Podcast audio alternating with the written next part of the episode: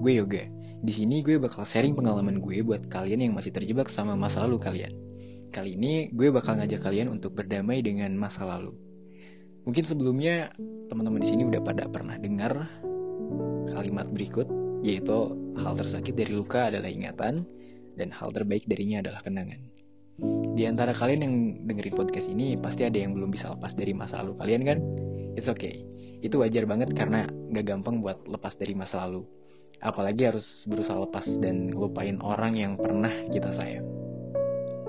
Berusaha mengakhiri masa lalu bukan berarti kita kalah, dan bukan berarti kita juga sudah tidak sayang lagi sama kenangan yang pernah dilewati bersama orang itu. Opini gue tentang move on itu memiliki arti yang mengharuskan kita untuk jalan terus. Yang sudah berlalu, ya biarlah berlalu. Waktu yang sudah terlewati tidak akan pernah bisa dilalui kembali.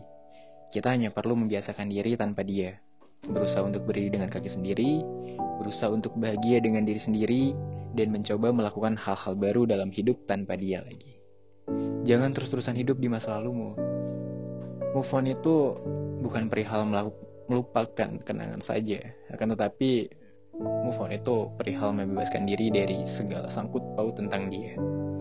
Bukannya melarang untuk merindukan masa lalu, tapi secukupnya aja ya Kalian harus menjadikan masa lalu sebagai pelajaran untuk love your life and love yourself di masa sekarang. Kesalahan di masa lalu bisa membentuk lo menjadi versi yang jauh lebih bijak dan baik. Dulu gue juga sama pernah merasakan sangat hancur karena harus terpaksa dipisahkan oleh orang yang gue sayang. Tetapi ada satu waktu gue menyadari bahwa seharusnya gue tidak bertindak seakan gue adalah orang paling menyedihkan di dunia ini. Masih banyak yang bisa gue lakuin untuk bisa melupakan kesedihan gue ini. Bahagia itu bisa kita dapatkan dari orang-orang sekitar kita, tidak harus tentang pacar saja. Jangan buang-buang waktu kalian hanya untuk diam meratapi kesedihan. Kalian bisa menjadikan sedih kalian itu sebagai motivasi dalam berkarya. Solusi terbaik dalam mewujudkan mimpi kalian bisa melalui Tokopedia, aplikasi yang membuat segala semakin mudah hanya dengan mencari barang di Tokopedia, dan bisa membantu dalam mewujudkan mimpi kita juga. Setelah akhir dari kata podcast ini, Gue harap kalian bisa berdamai dengan masa lalu kalian. Perlu diingat bahwa rasa sedih atas kehilangan kamu akan tergantikan oleh sesuatu yang jauh lebih baik. Maka dari itu, takdir berusaha menyakitimu agar kamu bisa belajar dan bersyukur. Semangat buat kalian yang sedang berjuang. Terima kasih atas semangat kalian untuk berjuang meraih kebahagiaan.